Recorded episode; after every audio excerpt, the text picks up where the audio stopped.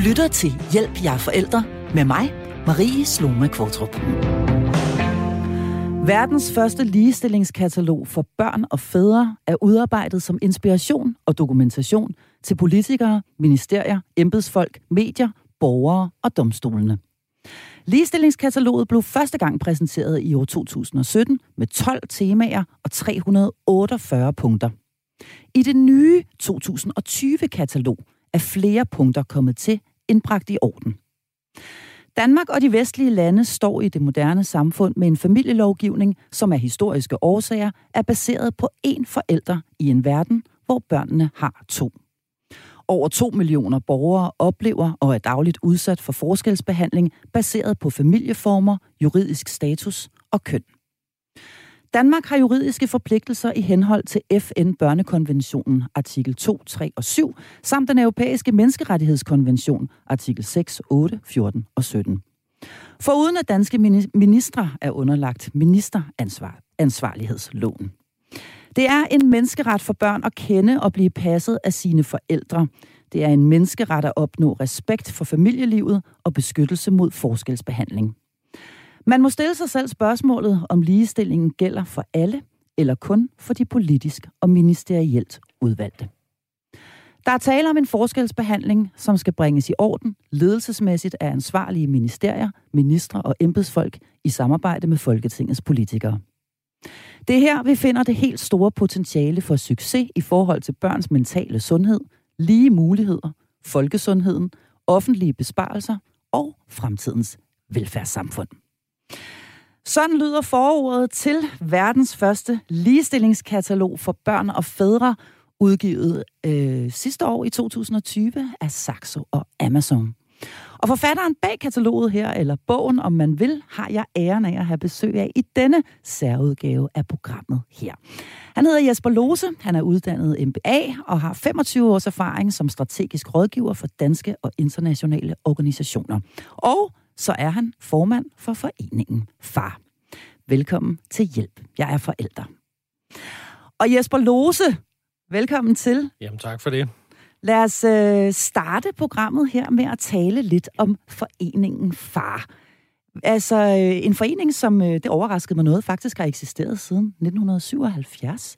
Hvem er I? Det er korrekt. Jamen, vi er en masse frivillige mennesker, øh, både mænd og kvinder og fagpersoner, som øh, ved, at, at øh, der er øh, nogle udfordringer, når man er øh, barn og, og, og far i Danmark. Så øh, mm. det er det, vi øh, er sat i verden til at, at øh, hjælpe og støtte og vejlede og rådgive øh, mm. omkring børn og fædre. Er det en frivillig forening som 100 procent, eller er der det er stort set en frivillig forening. Mm. Er du formand for foreningen Far, så betaler du stort set din løn. Jeg, jeg er lønnet to dage om ugen. Jeg har tre assistenter, og vi har en frivillig leder, og det er øh, simpelthen set oppet, og så er alle andre frivillige fuldstændig. Mm. Hvem står bag? Altså, hvordan er øh, organisationen i sin tid opstået? Jamen, det var jo der i slut 60'erne, ikke? Øh, hvor øh, man skulle have en masse frigørelse og så videre. Øh, der skete en masse ting i forhold til kvinderne, og så øh, var der altså også det, dengang et, et, et alvorligt problem omkring øh, børn og fædre. Børnene, børnene og fædrene fik simpelthen ikke kontakt. Så det var, øh, det var der, det blev grundlagt i 1970'erne først, og, og så lavede man det, der kendes som Foreningen Far i dag i 1977. Så det var frivillige mennesker. Øh, man startede i Aarhus øh, og havde de første rådgivninger der, øh, og så har man så udvidet det til, til hele landet. Så i dag har vi cirka 20 rådgivningscentre. Øh, det største København, øh, men vi har over hele landet, vi har også på Grønland. Okay, så der er simpelthen mulighed for at finde jer ligegyldigt, hvor i landet man befinder sig. Hvor øh, mange øh, henvendelser øh, får I sådan på årlig basis? Har du noget overblik over det? Altså, hvor mange gør brug af jer som organisation? Altså, vi kan måle på vores kontaktflader. Nu sker der jo rigtig meget på de sociale medier efterhånden, Facebook og, og så videre. Vi kan måle, at vi har over 100.000 øh, øh, hvad hedder det, navngivende brugere om måneden, øh, der bruger øh, vores kontaktflader. Vi har cirka øh, 20-25.000 øh, forældre, og det er faktisk begge køn, øh, inde på vores, det vi kalder selvhjælpsgruppe, altså hvor man kan stille spørgsmål på Facebook-grupper osv. 24-7 øh, og få hurtige svar øh, for en masse andre forældre, der kan give en god råd. Og så har vi de her landstækkende rådgivningscenter, hvor vi øh, årligt har omkring mellem 5 og 10.000 personlige rådgivninger, mm. øh, som, som vores rådgivere øh, øh, hvor de hjælper mm. mennesker. Så hvis man sidder og lytter med her, og vi skal jo tale meget mere om, hvad det er for et arbejde, I laver, og hvad, øh, hvad det typisk er for nogle situationer, øh, moderne fædre havner i. Men hvis man sidder og lytter med, og allerede nu ved, at man godt kunne bruge noget sparring og råd, jamen øh, så er det altså blandt andet på Facebook, man kan finde det? Eller? Ja, ind på hjemmesiden først og fremmest foreningfar.dk, og så vælger man rådgivning der, og så kan man simpelthen se de tilbud, der er. Okay. Hvad er det typisk, I laver? Jamen, øh, vi øh, rådgiver rigtig meget om skilsmisser i Danmark. Det er det helt store. Øh, det er der, hvor fædrene oplever, hov, sådan troede vi ikke, lovgivningen fungerede i Danmark. Altså, det er der, de får chokket. Og det er virkelig et granatchok for, for mange af de her fædre, som, som troede, de var ligeværdige i Danmark, og som elsker deres børn overalt på jorden, og som faktisk gerne vil være involveret og positivt involveret jamen øh, når de bliver skilt, så er det der, øh, at de får den første øh, meget, meget store øjenåbner i, i forhold til, hvordan lovgivning, hvordan praksis virker. Der er simpelthen ting, de ikke, informationer, de ikke får, osv. osv. Mm. Men vi har cirka 20 områder, altså øh, vi laver det næst, øh, det vi laver næst mest, det er, det er helt klart øh, fædreoverlov øh, og farsoverlov. Øh, jamen, det vælter jo ud med øh, i Danmark med fædre, der godt vil øh, på, på overlov og have mm. barsel mm. og så videre, og, og det er det er rigtig positivt. Vi kan se, at jo før de her fædre kommer bliver involveret, jamen, jo bedre er det. Det er at de virkelig oplever øh, den kærlighed, der er mellem øh, børn og forældre, uanset om man er mor eller far. Mm, men alligevel har de brug for hjælp til at, at, at gennemskue lovgivningen? Eller, eller de har brug for, der, der er ved at ske så stort et skifte, øh, mm. specielt på det område. Ikke? Så, så, så øh, er man øh, far, jamen, så vil man i starten føle, at, at man står lidt alene med tingene. Man vil ikke ane, hvad, hvad skal man gøre nu? Øh, vi begynder at se en, en rigtig stor bølge omkring det her fædreoverlov, og det gør, at der er flere og flere grupper i gang. Øh, man har fars legestuer rundt omkring i, i, i landet osv. Så, videre. så øh, der, der ved at virkelig komme en underskov, øh, både når vi snakker fars overlov, men også når vi snakker skilsmisser, når vi snakker fædregrupper. Øh, og det er jo noget af det meget, meget positive, og det er bare inden for de sidste fem år, at der begynder at se ske et, øh, et, et stort ryk ind, eller en bølge der. Ja, det er jo meget, meget positivt. Absolut. Noget, som er knap så positivt, og som jeg ved, I også har en del henvendelser omkring, jamen det er det, som du øh, øh, kalder for moderne, øh, moderne indvandring, altså øh, mænd, som, som bliver fanget øh, i en øh, faderskabssag, eller en, en, en, en sag, hvor en kvinde, måske uden opholdstilladelse, øh, påstår, at en, en, øh, en mand skal være far til hendes barn. Måske ovenikøbet efter kun at have været sammen en enkelt gang. Ja. Øhm, det, det er helt klart. En stigning i, i, i den her type sager? Ja, helt, helt sikkert. Øh, det er en af de her 20 standardsager, vi, vi har, hvis man kan øh, nævne det sådan. Men altså, det er cirka 10 procent af, af de danske børn, som har en forælder fra et andet land. Det kan principielt også godt være en far, og det kan være europæiske lande, nordiske lande osv. Men der er ingen tvivl om, at vi ser et mønster også af det, vi øh, er nødt til at sige, det er moderne indvandring. Mm. Øh, jamen, der, der handler det altså om at komme til Danmark og, og få et barn hurtigst muligt, og vi står tit med fædre, der bliver øh, åh, så forelsket eller har haft et one-night stand, øh, og så bliver de simpelthen fanget øh, i at, at, at, at have det her barn øh, meget pludseligt. Mm. Øh, så, så jo, øh, der, der sker nogle ting der, som, som ikke bør foregå, men udenlandske ægteskaber, snakker vi Afrika, snakker vi Øst-Europa, snakker vi øh, øh, Indonesien osv., jamen det er nogle af de længstvarende, men det er også nogle af de kortestvarende ægteskaber, vi ser i Danmark. Mm. Og der er simpelthen en, en, øh, hvad kan man sige, en skjult dagsorden i forhold til opholdstilladelse og den slags ting, hvor mænd hurtigt kan havne i en, i en uh, knibe. Jeg skal lige høre en gang, hvordan uh, hjælper I dem sådan rent konkret? Altså er det juridisk rådgivning, I, I bistår dem med, eller, eller hvad, hvad, hvad, hvad gør I egentlig for de her fædre? Jamen, de møder op, øh, hvis de øh, vil ind til vores rådgivningscenter, så møder de simpelthen op, går ind på hjemmesiden og ser, hvornår vi er åben øh, rundt omkring i landet, og så møder de op der. Øh, vi har også telefonrådgivning. Øh, vi har et callcenter i Aarhus, og der kan man ringe ind tre gange om, om ugen. Øh, så øh, ring ind eller tag forbi, øh, mm. og øh, vi lytter simpelthen til dem, og så siger, jamen, hvad, hvad øh, kan vi hjælpe dig med? Øhm, og, og vi har oplevet det hele. Altså, vi har oplevet ja. det mest positive i Danmark, og så sidder vi med, med det mest voldsomme, man overhovedet kan forestille sig.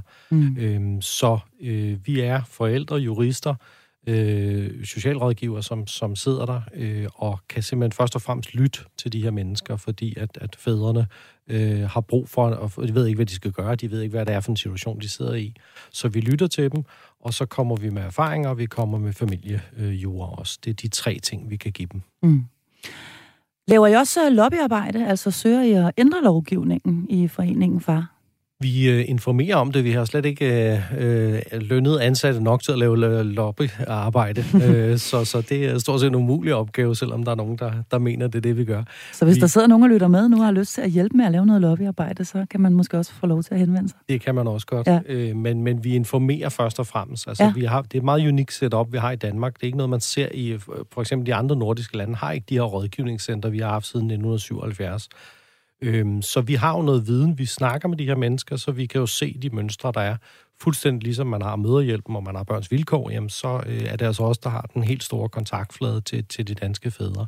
Mm. Så vi ser mønstrene, øh, og der videregiver vi selvfølgelig de mønstre til både ministerier, politikere, øh, til offentlige ledere, øh, så siger jeg, at det her skal jeg altså være opmærksom på. Men øh, der sker ufattelig lidt en gang imellem. Mm. Jeg har lyst til at spørge dig sådan helt overordnet set med dine briller. Nu ved jeg, at du har været formand i foreningen far de sidste 10 år. Er der i dine øjne simpelthen tale om diskrimination på øh, familieområdet? Det er der slet ingen tvivl om. Øh, og, og der er slet ingen tvivl om, at øh, vi står med over 2 millioner, øh, som også skriver i bogen, øh, børn, fædre, bedsteforældre, som hver eneste dag bliver forskelsbehandlet. Der er ikke noget i Danmark, der kommer tæt på den forskelsbehandling, der sker af børn og fædre. Øh, så, så det er et regulært problem. Øh, der er simpelthen ikke noget område, hvor man har det samme antal mennesker, der bliver forskelsbehandlet, og det kan være dybt alvorligt. Altså, vi kan se, hvordan øh, det medvirker til, at man simpelthen får flere familieretslige sager, man får mm. flere familiekonflikter, øh, man får flere øh, meget, meget alvorlige børnesager, også i sidste ende. Mm. Og hvad har det af menneskelige konsekvenser for de mennesker, som sidder i de her sager? Altså, øh, fordi det, det må jo også have nogle enorme menneskelige konsekvenser at skulle, øh, at skulle kæmpe, øh, både juridisk, men, men, men i sagens natur jo også følelsesmæssigt, når det er noget, der handler om ens forældreskab helt enormt. Altså både øh, for de fleste forældre, jamen, så er børnene det vigtigste, vi har i livet. Det opdager mm. man uanset om man er kvinde eller mand. Ja. Øhm, så vi skal det her til at fungere. Øh, vi skal have den der respekt ind for, at barnet har øh, behov øh, i livet og, og en ret til, øh, og, og, og det giver også øh, bedre sundhed for børnene, både af sin far og mor i livet. Mm. Øhm, så, så der er ingen tvivl om, at, at, øh, at vi skal gøre noget. Altså det, den her positive fædreinvolvering, den skaber kun gode ting med sig i et samfund. Mm. Men vi sidder med mennesker på alle øh, niveauer af samfundet, Øh, vi sidder med mennesker over hele landet, øh, og det er helt normalt for os at se, mister man kontakt til sit barn, øh, jamen så øh, er man altså en risikogruppe for at blive socialt udsat, øh, også for senere misbrug for forskellige andre ting. Det er meget, meget voldsomt at opleve. Øh, vi taler om sagsbehandlingstider på alt lige fra ni øh, måneder til flere år øh, mm. i det her system. Øh, samtidig oplever man en forskelsbehandling, som er meget markant. Mm. Øh, man bliver simpelthen ikke behandlet ens i samme situation, når man er mand eller kvinde. Så der går simpelthen langt flere fædre rundt, der for eksempel ikke har kontakt til deres børn, ikke får lov at se deres børn, end der går øh, mødre rundt i samme situation? Det er der ingen tvivl om. Mm. Øh, at, at det er fædrene, der taber. Altså man har et system, der belønner køn, øh, mm. hvor man skulle belønne adfærd. Det er simpelthen det eneste mulighed, man har for at, at sige til forældrene, prøv at høre, vi belønner en god adfærd, øh, og så er det, at man får skabt en, en positiv spiral. Altså fuldstændig ligesom vores egne børn, øh, mm. siger, jamen vi vil jo ikke drømme om at, at stå og belønne øh, den dårlige adfærd. Øh, mm. Man er nødt til at belønne god adfærd, øh, og, og det er det, der vil virke i det her system. Mm. Øh, og, og det er bare ikke sådan, man tænker i systemet nu. Vi skal jo tale meget mere om, øh, om, om lovgivningen, sådan øh, lidt mere specifikt, men, men øh, jeg ved, at øh, den øh, gældende lovgivning simpelthen daterer sig helt tilbage til 1905. Øh, altså øh, øh, det, der hedder, øh, det, der hedder familieloven. Øh, hvis jeg siger ligestilling, hvad siger du så? Så siger jeg, hold da op. Ja. det, det vil vi glæde os til mm. øh, som fædre. Altså du kan sige, øh, meget af den familielovgivning, børneloven, den blev lavet i 1905, og så er den knop øh, skudt lige siden. Mm. Øh, i, I starten af 1900-tallet, der havde man kommissoriearbejde mellem de nordiske øh, lande. Mm. Og det var dengang, vi skulle frigøre kvinderne, vi skulle have kvinder ud af voldsramte ægteskaber, mm. Øh, det kan vi alle sammen have respekt for. Øh, mm. Super fornuftigt, fantastisk arbejde, der er gjort om det også. Og selvfølgelig øh, skal vi altid have det fokus også. der er ingen forskel på, om vi skal beskytte kvinder eller mænd. Mm. Men det helt store problem i dag, det er simpelthen, at den lovgivning, man lavede dengang, den passer simpelthen ikke til dagens samfund. Fordi lige pludselig, så er det altså lige så normalt for kvinder at læse på universitetet og også komme ud på arbejdsmarkedet, Øh, og det er lige så normalt nu også for en far øh, at være der ligeværdigt eller ovenikøbet øh, mest for et barn. Mm. Øh, og der passer lovgivningen simpelthen ikke. Der er den øh, fuldstændig spillet for lidt. Øh, og det er et politisk ansvar. Det er mm. ministerier, der er nødt til at, at, at håndtere det her og så sige, okay, vi har simpelthen ikke gjort det godt nok. Mm. Så der mangler øh, noget ordentligt familiepolitik, kan jeg næsten øh, høre dig sige mellem linjerne. Der mangler simpelthen nogen, der øh, har deres primære fokus på lige præcis familiepolitik, og dermed jo altså også børns øh, og forældres rettigheder. Absolut. Mm. Øh, og, og det er det, man kan se. Altså mig bekendt er det kun øh, KD, kristendemokraterne, der mm. har familiepolitik som det primære. Øh, ja. Resten af, af de politiske partier, jamen der drukner de alt muligt andet. Mm. Og det er faktisk den vigtigste stabilitetsfaktor, øh, vi har i vores samfund. Altså, det er det, der gør, at vi alle sammen er glade, at børnene er glade, sunde og raske, at vi har en god folkesundhed. Ja, ja så, fordi vi går ned med stress på stribe. Det er lige og, præcis det, vi gør. Og får depressioner og alt muligt andet, og især hvis, øh, hvis vores familieliv øh, er, eller, eller retten til at se vores børn er truet. Absolut ikke, og det er ikke sikkert, at vi alle sammen skal leve sammen i de her kernefamilier. Det er der mange, der gør, og, og, og, og fantastisk dem, der kan det. Mm. Men vi kan jo måle på børns sundhed i dag. Øh, vi arbejder med med Karolinske Institut i Sverige, og, og, og i Sverige er det, det land i verden, der har flest af de her ligeværdige ordninger. Mm. Øh, og der kan man jo simpelthen måle på, på børns sundhed, mental sundhed, at de børn, der bor eller lever i en kernefamilie, eller lever i de her 7-7-ordninger ligeværdigt, det behøver ikke være 7-7, det kan være 9-5 eller 5-9, øh, jamen det er simpelthen de børn, der har den bedste sundhed.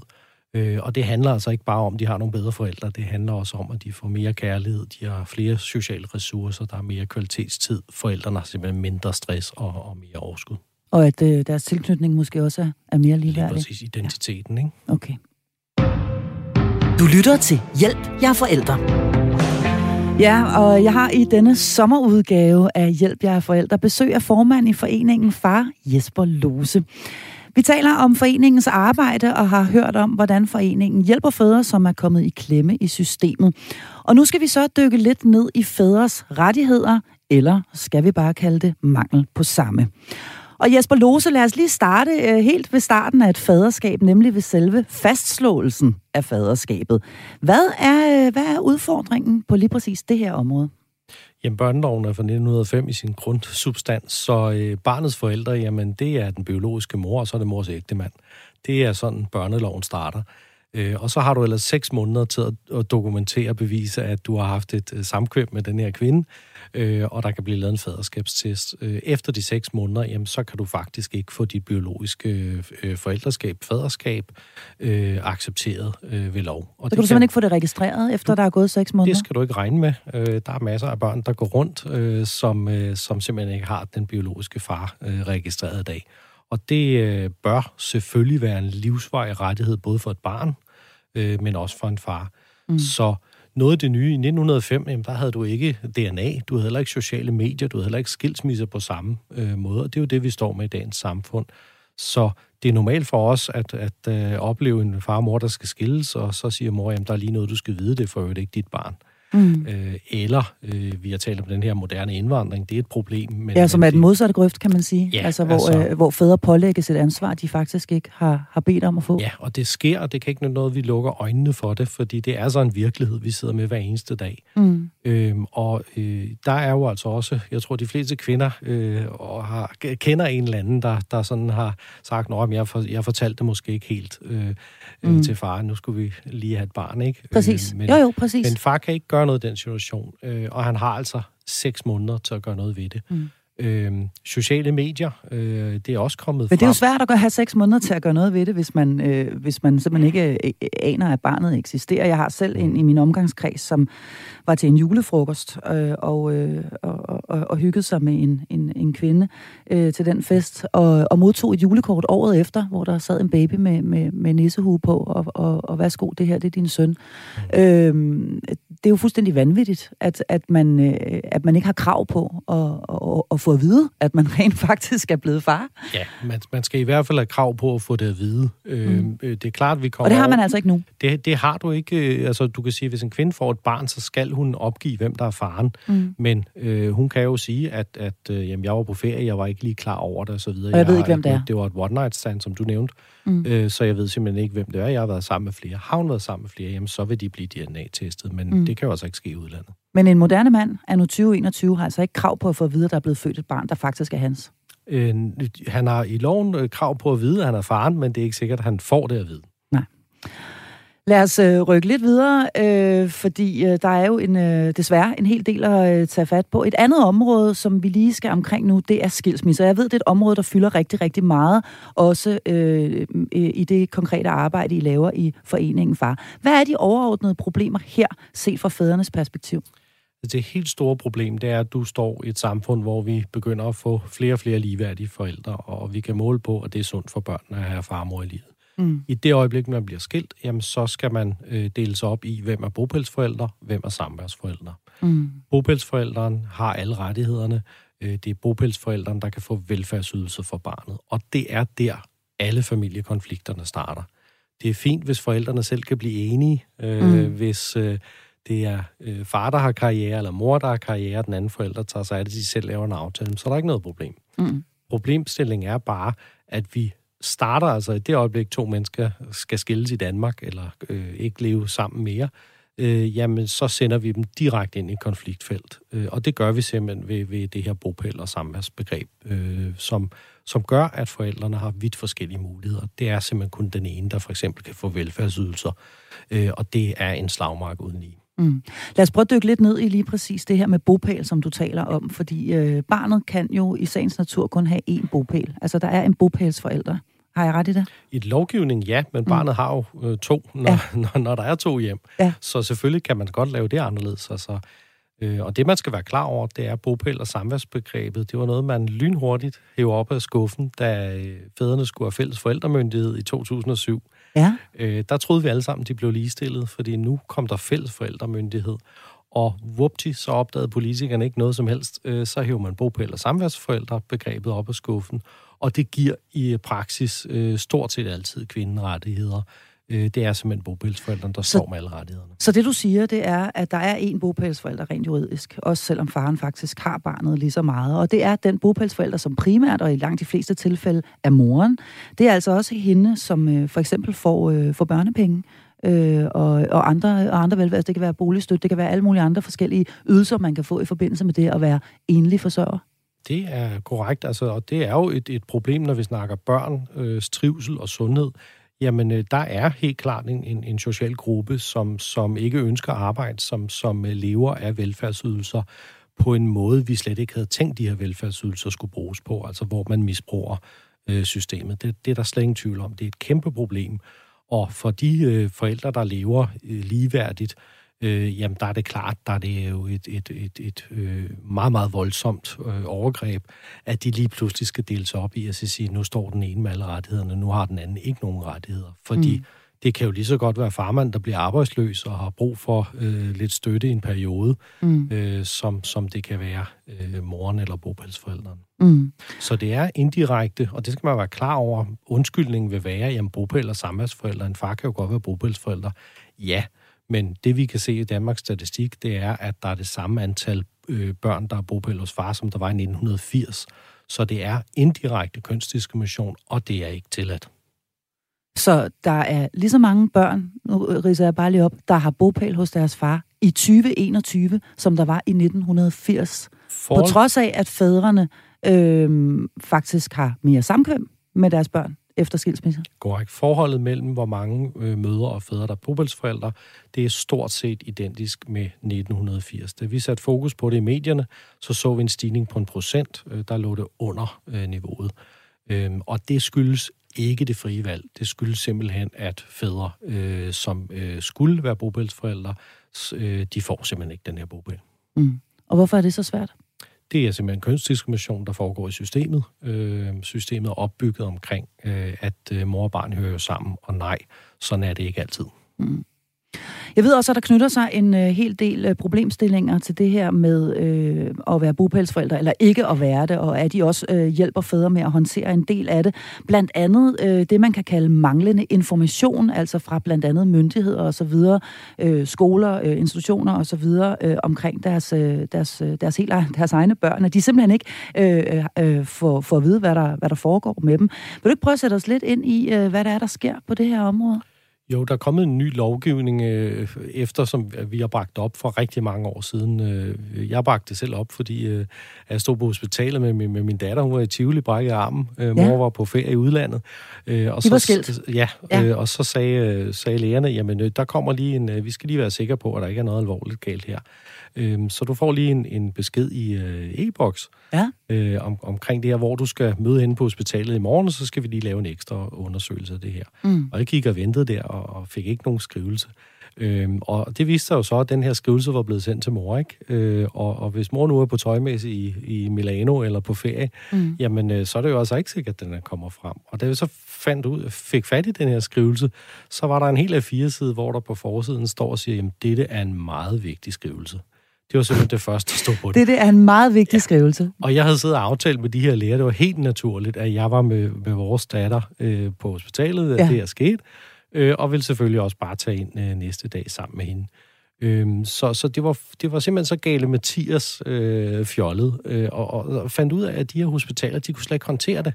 Øh, og, og det gjorde, at, at vi gik ind og undersøgte, øh, jamen, hvor, hvor, hvor er dataen? Og det viste sig simpelthen, at man har slet ikke dataen i CPR-registret fordi man har ikke, man har, man har ikke registreret fælles forældremyndighed. Det er først noget, man har begyndt at gøre senere.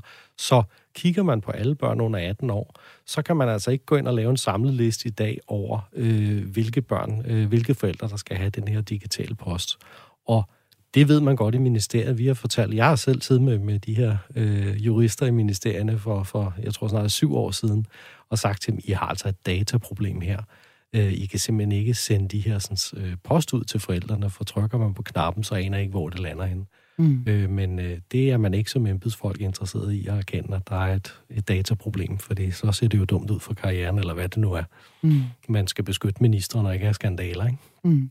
Så der sidder altså også en hel masse fædre derude, som simpelthen ikke bliver informeret om, hvad der sker i deres øh, børns liv, også selvom det er meget vigtige skrivelser. Jeg har selv et eksempel fra min egen omgangskreds med en, øh, en far til et, øh, et barn, som han, øh, hvor han ikke var sammen med moren, og hvor han af bagveje fandt ud af, at barnet skulle døbes den efterfølgende søndag. Øhm, og naturligvis heller ikke bære hans øh, efternavn. Men det fandt han simpelthen ud af af private veje, fordi han var ikke blevet oplyst fra, fra kirkekontoret, eller, eller hvor det nu var, at der, var, at der ligesom øh, skulle finde en, en, en, øh, en dåb sted. Øhm, så bare endnu et eksempel på, at øh, fædrene de simpelthen bliver, bliver spillet af banen. Og der er trivselsundersøgelser, sundhedsundersøgelser for børn. Det er en af de mest mærkelige ting, vi opdagede. Det var, vi oplevede lige pludselig, at det var alle møderne, der besvarede de her sådan ting. Forskning, familieforskning, der er lavet i Danmark, spørgeskemaerne er kun røget ud til møderne. Det tog os uh, to-tre år at afdække det, før vi fik en, en, en officiel erkendelse af at sige, jamen det var faktisk rigtigt. Mm. Så alt det, politikerne er blevet serveret af, af, af forskning, familieforskning de sidste 10 år, jamen uh, godmorgen, det er spørgeskemaer, der er udfyldt af kvinder, og de kan være nok så gode og nok så fornuftige, mm. men uh, man skal i hvert fald ikke kalde det familieforskning, når man ikke engang kan finde ud af at spørge fædrene. Nej. Så er det møderforskning, og det er vel øh, i sagens natur noget andet. Det er også en dejlig ting. en anden ting, som, øh, som jeg ved, I beskæftiger jer rigtig meget med i sagens natur i, øh, i, i foreningen, og har et stort fokus på, jamen det er vel økonomi. Øh, altså, der er selvfølgelig dels den sådan offentlige øh, økonomi, men, men vel også øh, et, et, et fokus på, på, på fædrenes øh, rettigheder i forhold til, hvor meget de, øh, de, de rent faktisk skal aflevere ved kasse 1 mm-hmm. til, øh, til moren, for eksempel? Ja, øh, det er der, øh, og, og man kan sige, det er jo et af, af de slagsmålsteder, der er. Mm. Øh, en af de ting, vi oplever, det er, at, at selvom du ikke har samvær, selvom du oplever samværschikane, jamen værsgo, så skal du alligevel betale. Ja. Øh, børnebidrag. Mm. Øh, og og det, er jo det, det er jo noget af det, der virkelig øh, gør folk vrede. Mm. Fordi Øh, Danmark har, og det skal siges, vi har et af de laveste børnebidrag, øh, så, så det ligger på et, et fornuftigt niveau. Ja. Men for de og hvad er det niveauet? Er det noget det, med 1400, 1400 kroner som, som minimum? Som er normalbidraget. Og ja. det, der jo så er bemærkelsesværdigt, det er, at det er kun afhængigt af samværsforældrene, det vil sige indirekte farens indtægt. Så øh, hvis du som far øh, øh tjener mere eller tjener ja. meget, jamen, så er det mm. måske 200% 300 øh, jamen det er ikke sikkert, at barnet koster mere. Men ja, helt pengene... op til et maks af 6-7.000 ja, kroner eller et eller andet ja, per barn, mener øh, jeg Og har du så flere børn, jamen så bliver det lige pludselig rigtig mange penge. Mm. Og det er jo fint, hvis du har råd til det. Ja. Øh, men pengene går til, til moren ikke nødvendigvis til børnene, så der er situationer, hvor, hvor øh, det ikke øh, for så vidt er børnene, der får det øh, gode. Og så har vi jo altså i dag to forældre, som sagtens kan være veluddannede. Det kan sagtens være en mor, der er direktør, som tjener mest. Mm. Øh, jamen, det tager man slet ikke højde for. Så det vil sige, en, en, en mor, bare lige for at forstå dig ret, en mor, som egentlig har en rigtig sund og solid økonomi. Hun har også barnet, hun har måske oven købet den fulde forældremyndighed over barnet. Hun har bopæls, øh, øh, hvad hedder sådan noget, øh, adressen på, på, øh, på barnet, øh, eller retten, øh, og har jo i virkeligheden øh, mulighed for at flytte barnet rundt, som, som det passer hende og så videre, al den stund hun har den fulde forældremyndighed. Stort set, det kommer vi lige tilbage til med et øjeblik. Men lad os lige hænge fast ved økonomien her. Hun, selvom hun har en solid økonomi og ikke mangler noget, og barnet faktisk ikke har samkvem med den biologiske far, så skal han stadigvæk betale op til 200-300 procent øh, af, det, øh, af, af mindste bidraget om måneden til denne her mor. Det er korrekt, og, og hvis det er fordi faren ikke ønsker at have samvær, så i vores verden, så siger vi, at det er sådan set helt fint. Øh, man skal tage ansvar, når man er mand og når man er far. Mm. Men problemet er jo, at en domstol kan ikke engang afgøre, her så står vi altså i en situation, hvor en, en mor simpelthen chikanerer sig til det her. Og der er der altså ikke nogen mulighed for en domstol øh, at gå ind og afgøre og sige, øh, vi øh, tager altså lige og skruer lidt på pengene også øh, her, ikke? fordi det her, det er ikke øh, rimeligt. Der vil man gå ind og så sige, jamen det er jo ikke godt for barnet. Nej, men øh, er det godt for barnet ikke at have sin far i livet, ikke? Mm. Så selv i sager, hvor faren han har øh, meget, meget lidt eller ingen samkvem med barnet, der er han altså forpligtet til at betale, sådan som øh, det er øh, skruet sammen lige nu. Lad os lige vende tilbage til øh, forældremyndighed, fordi jeg ved også, at det er en, øh, en af de øh, sådan overordnede kasser, som I beskæftiger rigtig meget med.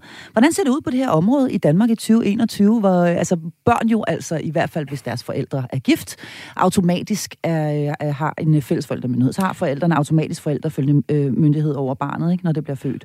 Jo, og hvis de har boet sammen øh, øh, 10 måneder før barnet bliver født, jamen, så har de fælles forældremyndighed som udgangspunkt. Og det har børn med deres forældre i Danmark. Altså mm. børn har fælles forældremyndighed øh, i, i forhold til begge forældre. Så det er normen i Danmark.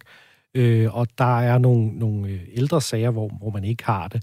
Øh, og så er der nogle, nogle chikanesager nu, hvor, hvor man ikke, øh, hvor man kan miste forældremyndigheden. Men der, der skal forholdsvis meget til i dag mm. til at miste den. Hvad så, hvis man ikke bor sammen, øh, og man måske ikke engang er et par, men man alligevel har lavet et barn? Hvordan er, står faren så der i forhold til at få forældremyndighed? Så skal han søge om forældremyndigheden, og det er et af de steder, man begynder at møde problemet. Fordi vi ser rigtig mange sager, hvor man øh, siger, jamen vil du have samvær med dit barn, øh, så skal jeg have forældremyndigheden. Altså, det er helt normalt, at en mor går okay. ud og siger det i chikaneøjen med, og så siger jamen far... Øh, altså, så, han, så hun simpelthen truer sig til den fulde forælder, men hun siger, du han, får ikke lov at se dit barn, ved mindre jeg får den fulde forældremyndighed. Lige præcis, ikke? Øh, og, og, og, så der er masser af fædre der, der siger, nej, det er jo ikke vigtigt. Det vigtige er, det er jo sådan set at få tid med mit barn, ikke? Øh, øh, så, så der er en masse fædre, der ikke vil hæve konfliktniveauet. Øh, de vil ikke gå ud og køre den her sag, fordi starter din sag, jamen, øh, så får de altså ikke lov til at se deres barn. Mm. Øhm, så, men rettighederne er blevet bedre og bedre. Det helt store problem, det er bopæl- og samværsbegrebet, og man kan se, man kan udnytte sin, sin, øh, sin magt øh, ved at være bopælsforældre. Og lad os lige øh, øh, dvæle en lille smule mere ved lige præcis det her med samkvem. Øh, jeg kan næsten regne ud, at I må have rigtig, rigtig mange fædre i røret dagligt, som øh, ønsker mere samkvem, eller som øh, er blevet øh, frarøvet eller nægtet det samkvem, som de egentlig havde, havde, havde ret til. Hvad, øh, hvad har de af sanktionsmuligheder der? Hvad kan, hvad kan I overhovedet sige til dem? Jamen, de kan dække sig ned, øh, fladt ned, det er den ene mulighed. Øh, ja. Og øh, man kan sige, vi vurderer over 100.000 øh, børn og fædre har mistet kontakten med øh, helt eller delvist. Altså, der er rigtig mange i øjeblikket på grund af det ventetiderne, det familieretlige system, 9-12 måneder mindst. Øh, jamen, der øh, ser de måske ikke deres barn. Øh, man skal bare, øh, som, som mor, skal man gå ind ad døren og så sige, jamen, øh, jeg mener, jeg er udsat for psykisk vold. Der behøver sikkert være noget i det. Øh, og øh, så, øh, jamen, allerede der, så øh, vurderer man simpelthen, jamen, så skal sagen behandles, og så går der altså rigtig, rigtig mange måneder. Så vi står... Og i de måneder ser man jo så, altså mens en sag kører, det skal vi, skal vi lige have helt øh, på det rene, og jeg kender desværre til flere ulykkelige af slagsen, hvor fædre slet ikke har nogen kontakt med deres børn efter skilsmisse, fordi moren simpelthen øh, nægter at udlevere dem. Øh, I de måneder, hvor sagsbehandlingen finder sted, øh, dem kan man jo ikke få tilbage, kan man sige. Altså, øh, det, det, dem bliver der vel ikke øh, så kompenseret for i den anden ende. Det er bare ærgerligt. Du så ikke dit barn fra hun var 10 til hun var 12, eller hvad det nu må ja, være. plus du får lidt samvær, når det så starter, ikke? Øh, man kan sige, at vi står med mange forældre, der selv finder ud af at aftale. Altså, det er alle de ja. gode, ordentlige, øh, fornuftige mm. forældre og fantastiske mennesker. Jamen, det er både kvinder og mænd, der kan finde ud af det, ikke? Jo. Øhm, så, så, så den gruppe er Og hurra for dem. Det er jo ikke dem, der kommer præcis, i knibe, kan man sige. Men, men der skal altså ikke mere til, at mor siger nej. Øh, så øh, er, er far øh, markant bagud på point og så skal han altså øh, vælge, om han ligger sig ned, eller han kæmper. Og hvis han kæmper, så risikerer han simpelthen at ryge ud af barnets liv. Der skal ikke mere til. I 2019 fik vi en ny lov i Danmark omkring psykisk vold, og det er en af de mest misbrugte lovgivninger, vi har på nuværende tidspunkt. Øh, før øh, øh, øh den her lovgivning, der havde man cirka 10% af det, vi kalder røde sager i det familieretslige system. Og hvad er en rød sag? Det er en alvorlig sag. Det er der, hvor der er nogle risikofaktorer. Altså, okay. hvor vi siger, jamen, der har vi en far eller mor, der, kan, øh, der, der har nogle ting, som vi er nødt til at behandle for barnet. Mm. Men da loven blev introduceret, der røg til et tal helt op på 80 procent af sagerne, øh, var så de her røde sager lige pludselig. Lige pludselig? Simpelthen fordi, at møderne gik ind, og det er også organisationer, der har støttet dem, at sige, I skal gå ind ad døren, øh, og så skal I sige, at du har været udsat for psykisk vold øh, jamen så er der altså bare et system, der går fuldstændig i selvsvingninger. Øh, man går ikke ud og vurderer det. Øh, hvis vi kan sammenligne det med politiet, de har rejst tiltale, eller øh, der er to mennesker, der er blevet dømt for psykisk vold. Men du har altså øh, 80 procent, det er, det er tusindvis af sager, øh, som, som bliver behandlet efter det her. Lige nu er tallet nede på omkring øh, mellem 50 og 60 procent af de sidste meldinger, jeg har hørt. Men det er kæmpe misbrug, der sker. Øh, og som far, der kan du altså stå i den situation, at du har fået en på lampen af mor. Mm. Du kan ikke sige det, du kan ikke anmelde det, du kan ikke gøre noget ved det, fordi hvis du gør det, øh, så risikerer du, øh, at man vurderer sagen til, at der er højt konfliktniveau, og så er det, så vinder mor på point, fordi hun har øh, det rigtige køn. Så man kan simpelthen være i den omvendte situation, hvor det rent faktisk er faren, der er udsat for psykisk vold, og måske ovenikøbet, som du siger, fysisk vold. Øh, men øh, ikke ture og, og Du kan og ikke gøre noget ved det. vi står med utallige af de sager, og derfor så ved vi også, at voldsstatistikken i Danmark, de kan ikke bruges til noget som helst. Øh, det er simpelthen baseret på køn, det er baseret på, at man har en fordel på baggrund af sit køn, og det er et system, vi aldrig får til at virke. Altså, det er heller ikke en beskyttelse af voldsramte kvinder, fordi den beskyttelse, vi skal lave, det er af voldsoffrene. Mm. Øh, og, og, og den eneste måde, vi kan bruge de her sparsomme ressourcer og behandle sagerne korrekt, det er altså ved, at vi får sorteret alle de forkerte væk. Mm. Øh. Men nu er lige Jones advokat et øjeblik, og måske også lige børnenes et øjeblik, fordi hvis konfliktniveauet er så højt mellem en far og en mor, øh, at de øh, rent faktisk øh, slås, øh, enten øh, fysisk, men i hvert fald er der jo rigtig mange, som bekriger hinanden og bliver ved og ved og ved og ved.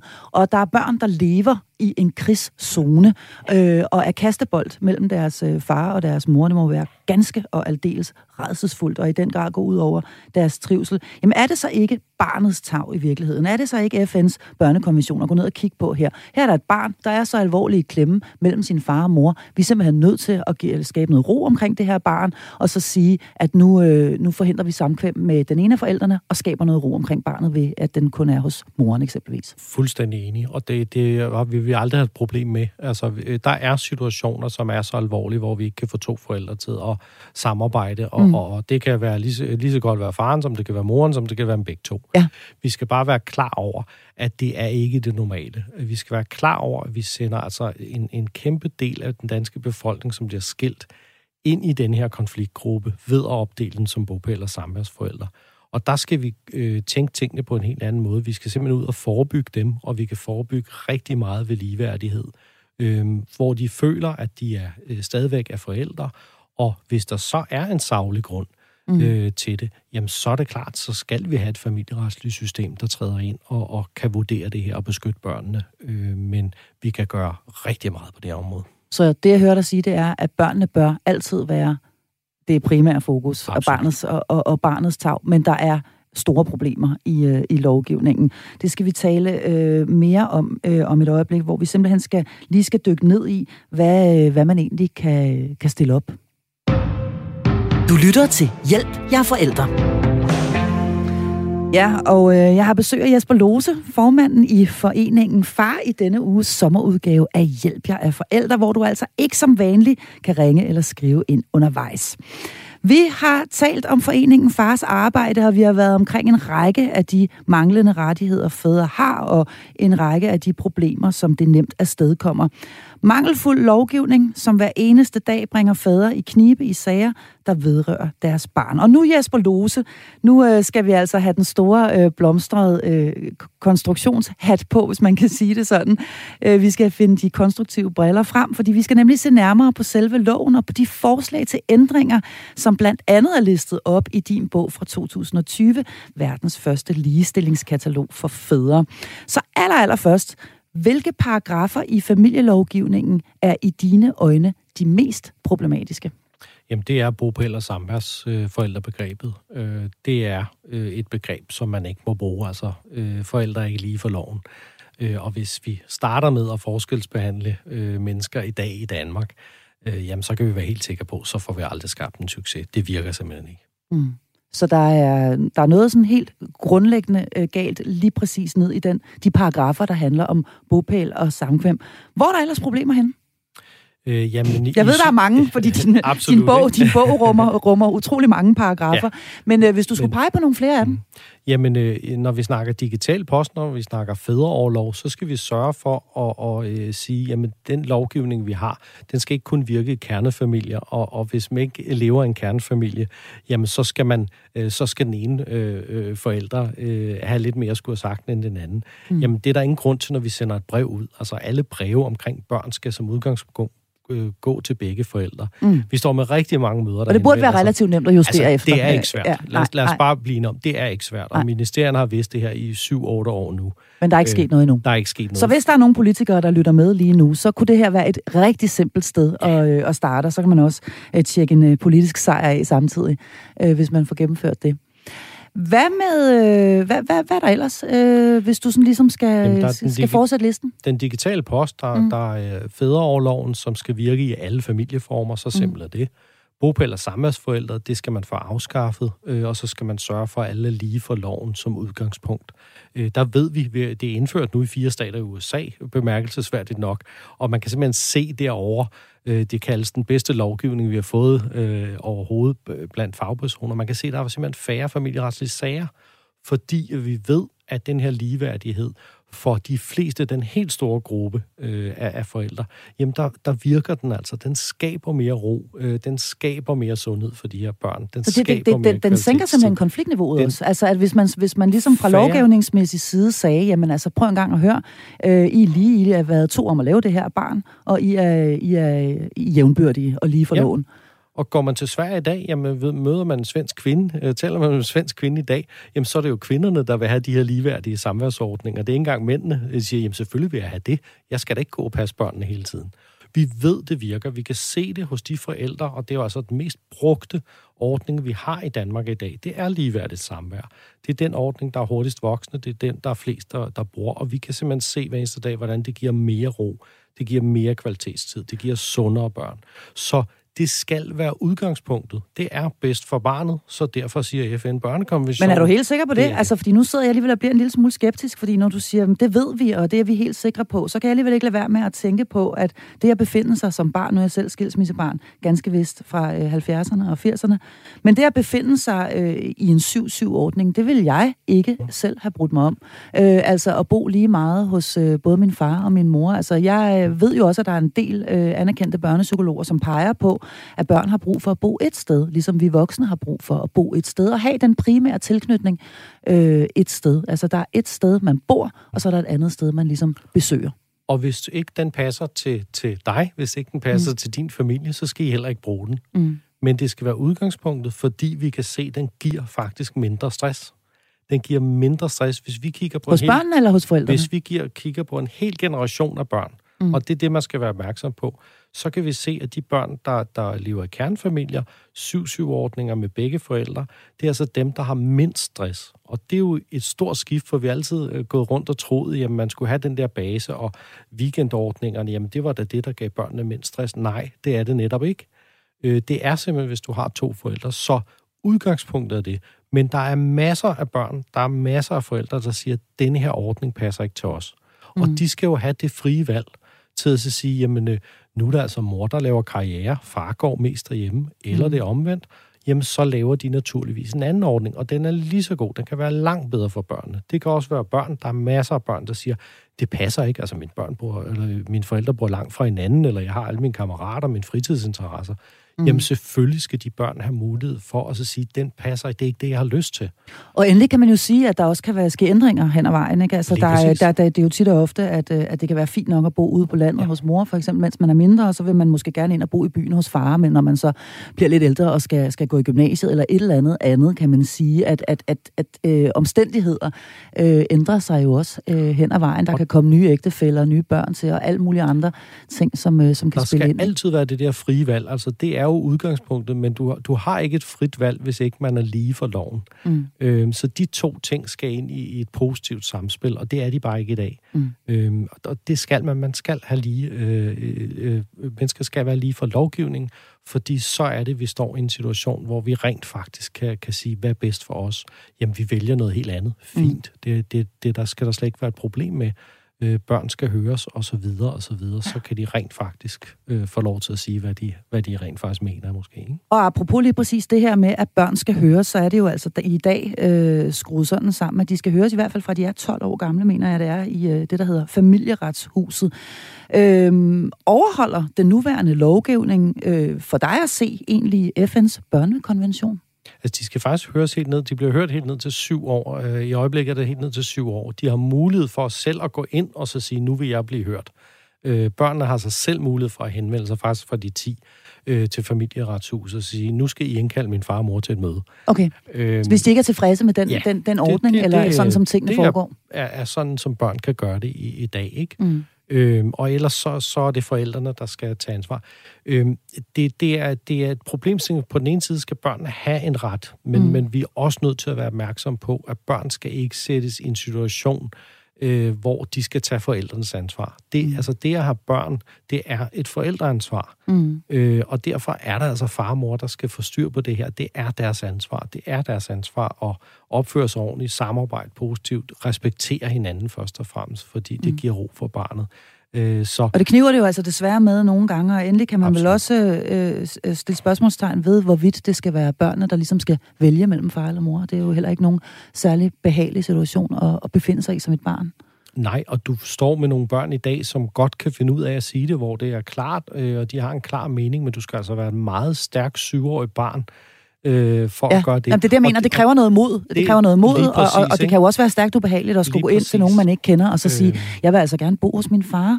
Jeg, er frygt, ja. jeg kan ikke selv finde ud af at sige det til min mor, men jeg vil gerne bo hos min far, eksempelvis. Ja, og det gør de ikke, øh, og, og, og det skal man være opmærksom på. Og selvfølgelig er de mennesker, der sidder og holder børnesamtalerne, jamen de de øh, ved godt, øh, kan godt fornemme, om der er et barn, der udtaler sig korrekt eller ej. Men det er jo altså et problem, hvis lovgivningen så alligevel deler far og mor op i en bog eller samværsforældre, ikke giver dem nogen beføjelse til at, øh, at gå ind og, og lave nogle andre muligheder. Øh, mm. Øh, og, og det er, det er vidderligt overgreb på børn, der sker i nogle af de her sådan, sager, når man skal høre børnene og høre børnene og høre børnene. Ej, det er et forældreansvar, og som forældre, så skal vi øh, opføre os ordentligt, og det skal vi som samfund være med til at facilitere forældrene at gøre. Bedre mm. beløn god adfærd. Og hvis man har svært ved at opføre sig ordentligt, eller man har svært ved overhovedet at tale sammen øh, som, øh, som forældre, øh, så er der jo altså så er der jo hjælp at hente, kan man sige, rundt omkring. Ikke? Altså både hos jer i øh, foreningen Far, men også øh, en, en, øh, en lang række andre steder, hvor man jo kan få mailingsmøder og så videre, så videre blandt andet i øh, familieretshuset også. Hvis jeg siger den europæiske menneskeret, øh, når vi taler fædres rettigheder her, hvad siger du så? Så siger at den bliver brudt hver eneste dag i Danmark. Øh, der er slet ingen tvivl om, at ministerier og politikere overholder simpelthen ikke øh, den europæiske menneskeret. De overholder heller ikke FN-børnekonventionen. Vil du uddybe det? Jamen, der er ikke, øh, der sker en forskelsbehandling, og det gør der i lovgivningen af mennesker, øh, og det har man ikke lov til. Altså, den europæiske menneskerettighedskonvention siger, at øh, alle borgere har respekt for familielivet. Øh, den siger, at man har ret til øh, øh, øh retslig prøvelse af borgerlige rettigheder inden for rimelig tid. Det sker heller ikke. Øh, og så skal man beskyttes mod forskelsbehandling. Og forskelsbehandling igen bopæl- og samværsbegrebet, mm. det mest markante, det er over to millioner mennesker i, i Danmark, som bliver forskelsbehandlet by lovgivning. Så, så den bliver på ingen måde overholdt. Mm. Jeg ved, at du øh, har nogle bud på, hvordan øh, lovgivningen burde se ud. Og øh, i din bog her, Verdens første ligestillingskatalog for børn og fædre, der kommer du med 10 bud på ændringer. Vil du øh, sådan lige øh, kort tage os øh, med igennem dem her til sidst i programmet? Ja, udgangspunktet det er, at forældrene selvfølgelig skal have et frit valg overalt, hvor det er muligt, men alle skal være lige for loven. Det, det er det, øh, som er ministeriernes og politikernes opgave, at lovgivningen virker, og vi behandler som udgangspunkt folk ens, så de kan tage et frit valg. Men ellers så, så går det jo ud på, at, øh, at begge forældre, øh, øh, altså barnets forældre, jamen det skal være far og mor, det skal være den biologiske far og mor som udgangspunkt, men dermed ikke sagt, at der kan være andre omsorgsforældre, øh, børn har ret til 3 milliarder tons kærlighed. Og det kan sige, det er ikke altid den biologiske farmor, der giver det. Det kan der simpelthen også være andre mennesker, der, der kan. Men, men børn har en, en menneskeret til at kende og blive passet af deres forældre. Mm. Så det må være udgangspunktet, men vi skal selvfølgelig også diskutere andre øh, modeller øh, i, i dagens samfund. Mm. Og, så skal, og med alle de nye familieformer, som jo præcis, altså også opstår i en regnbuefamilie og så videre. Ja. Lige præcis, ja. der, der er jo meget, og der er ingen tvivl om, at der er rigtig meget kærlighed ind der for børn. Helt øh, sikkert. Og, og, og mere kærlighed, end, end, end andre børn får. Og der ligger sikkert også nogle finurlige øh, øh, retsmæssige øh, udfordringer hen ad vejen, når, når man laver familie på en, på, en, på en anderledes måde, kan jeg næsten regne ud. Hvad er der ellers at øh, tage fat på? Jamen, så er der det her med, med digital post, altså offentlig information, og det skal altså gælde i alle familieformer. Øh, fædreoverlov, jamen øh, det er mindst tre måneder til hver forælder. Vi har 12 måneder øh, forældreoverlov i Danmark. Øh, der er jo ikke noget problem i at give fædrene tre måneder, og vi kan se i resten af Norden, hvordan det virker. Mm. Øh, det bliver afholdt, når den bliver øremærket osv. Men man kan simpelthen også godt øh, dele øh, det lige over øh, som udgangspunkt, og så kan forældrene give det øh, noget af det i hvert fald til hinanden. Men mindst tre måneder til hver forældre, det er simpelthen øh, for, at barnet øh, har begge forældre i livet. Øh, det kan være, øh, den ene forælder får stress, eller mm. øh, skal til udlandet og arbejde. Alle mulige ting kan mm. der ske i livet nu om dagen, kræft og så videre. Jamen, så er det altså bare vigtigt, at barnet har øh, begge forældre i sit liv, og, og, og det skaber en bedre identitet og mere kærlighed og, og flere sociale ressourcer og finansielle ressourcer også.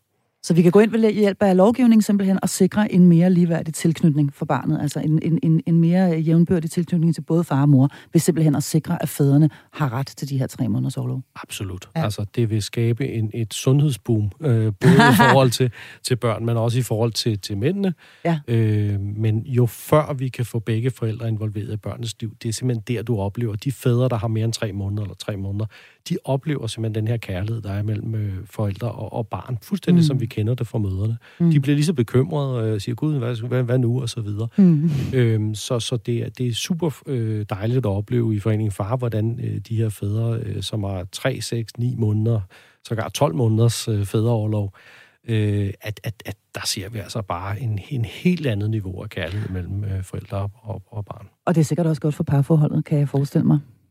Det vil det være i de fleste tilfælde i hvert fald. Vi kan lige nå et par stykker mere. Ja. Men så er det jo det her med, med øh, bopælen. Jamen afskaf øh, barnets bopæl. Barnet bor fysisk to steder, hvis far og mor ikke bor sammen. Så selvfølgelig skal man indrette systemet efter, at, at så, så er det sådan, det er. Og velfærdsydelser, jamen øh, uanset hvem der er, der bliver arbejdsløs, eller hvem der har behov for, for en, øh, en velfærdsydelse, jamen så skal man jo have den baseret på behov. Man skal mm. ikke have den, fordi man har en eller anden juridisk øh, øh, øh, definition, som blev opfundet i ministeriet, øh, som, som vi i øvrigt ikke har, har lov til at lave. Vel? Mm. Så har man behov for velfærdsydelser, så skal man have dem, mm. og har man ikke, jamen, så må man selvfølgelig gå ud og, og finde sig et arbejde, øh, ligesom alle andre. Mm. Øh, så øh, der er ingen tvivl om, at øh, digital post, øh, fædreoverlov, bopæl- og samværsforældrebegrebet og velfærdsydelserne, det er, de, det er de store ting i det her. Det er de, det er de primære ting. Ja, det er det. Og der er nok at tage fat på, kan jeg høre.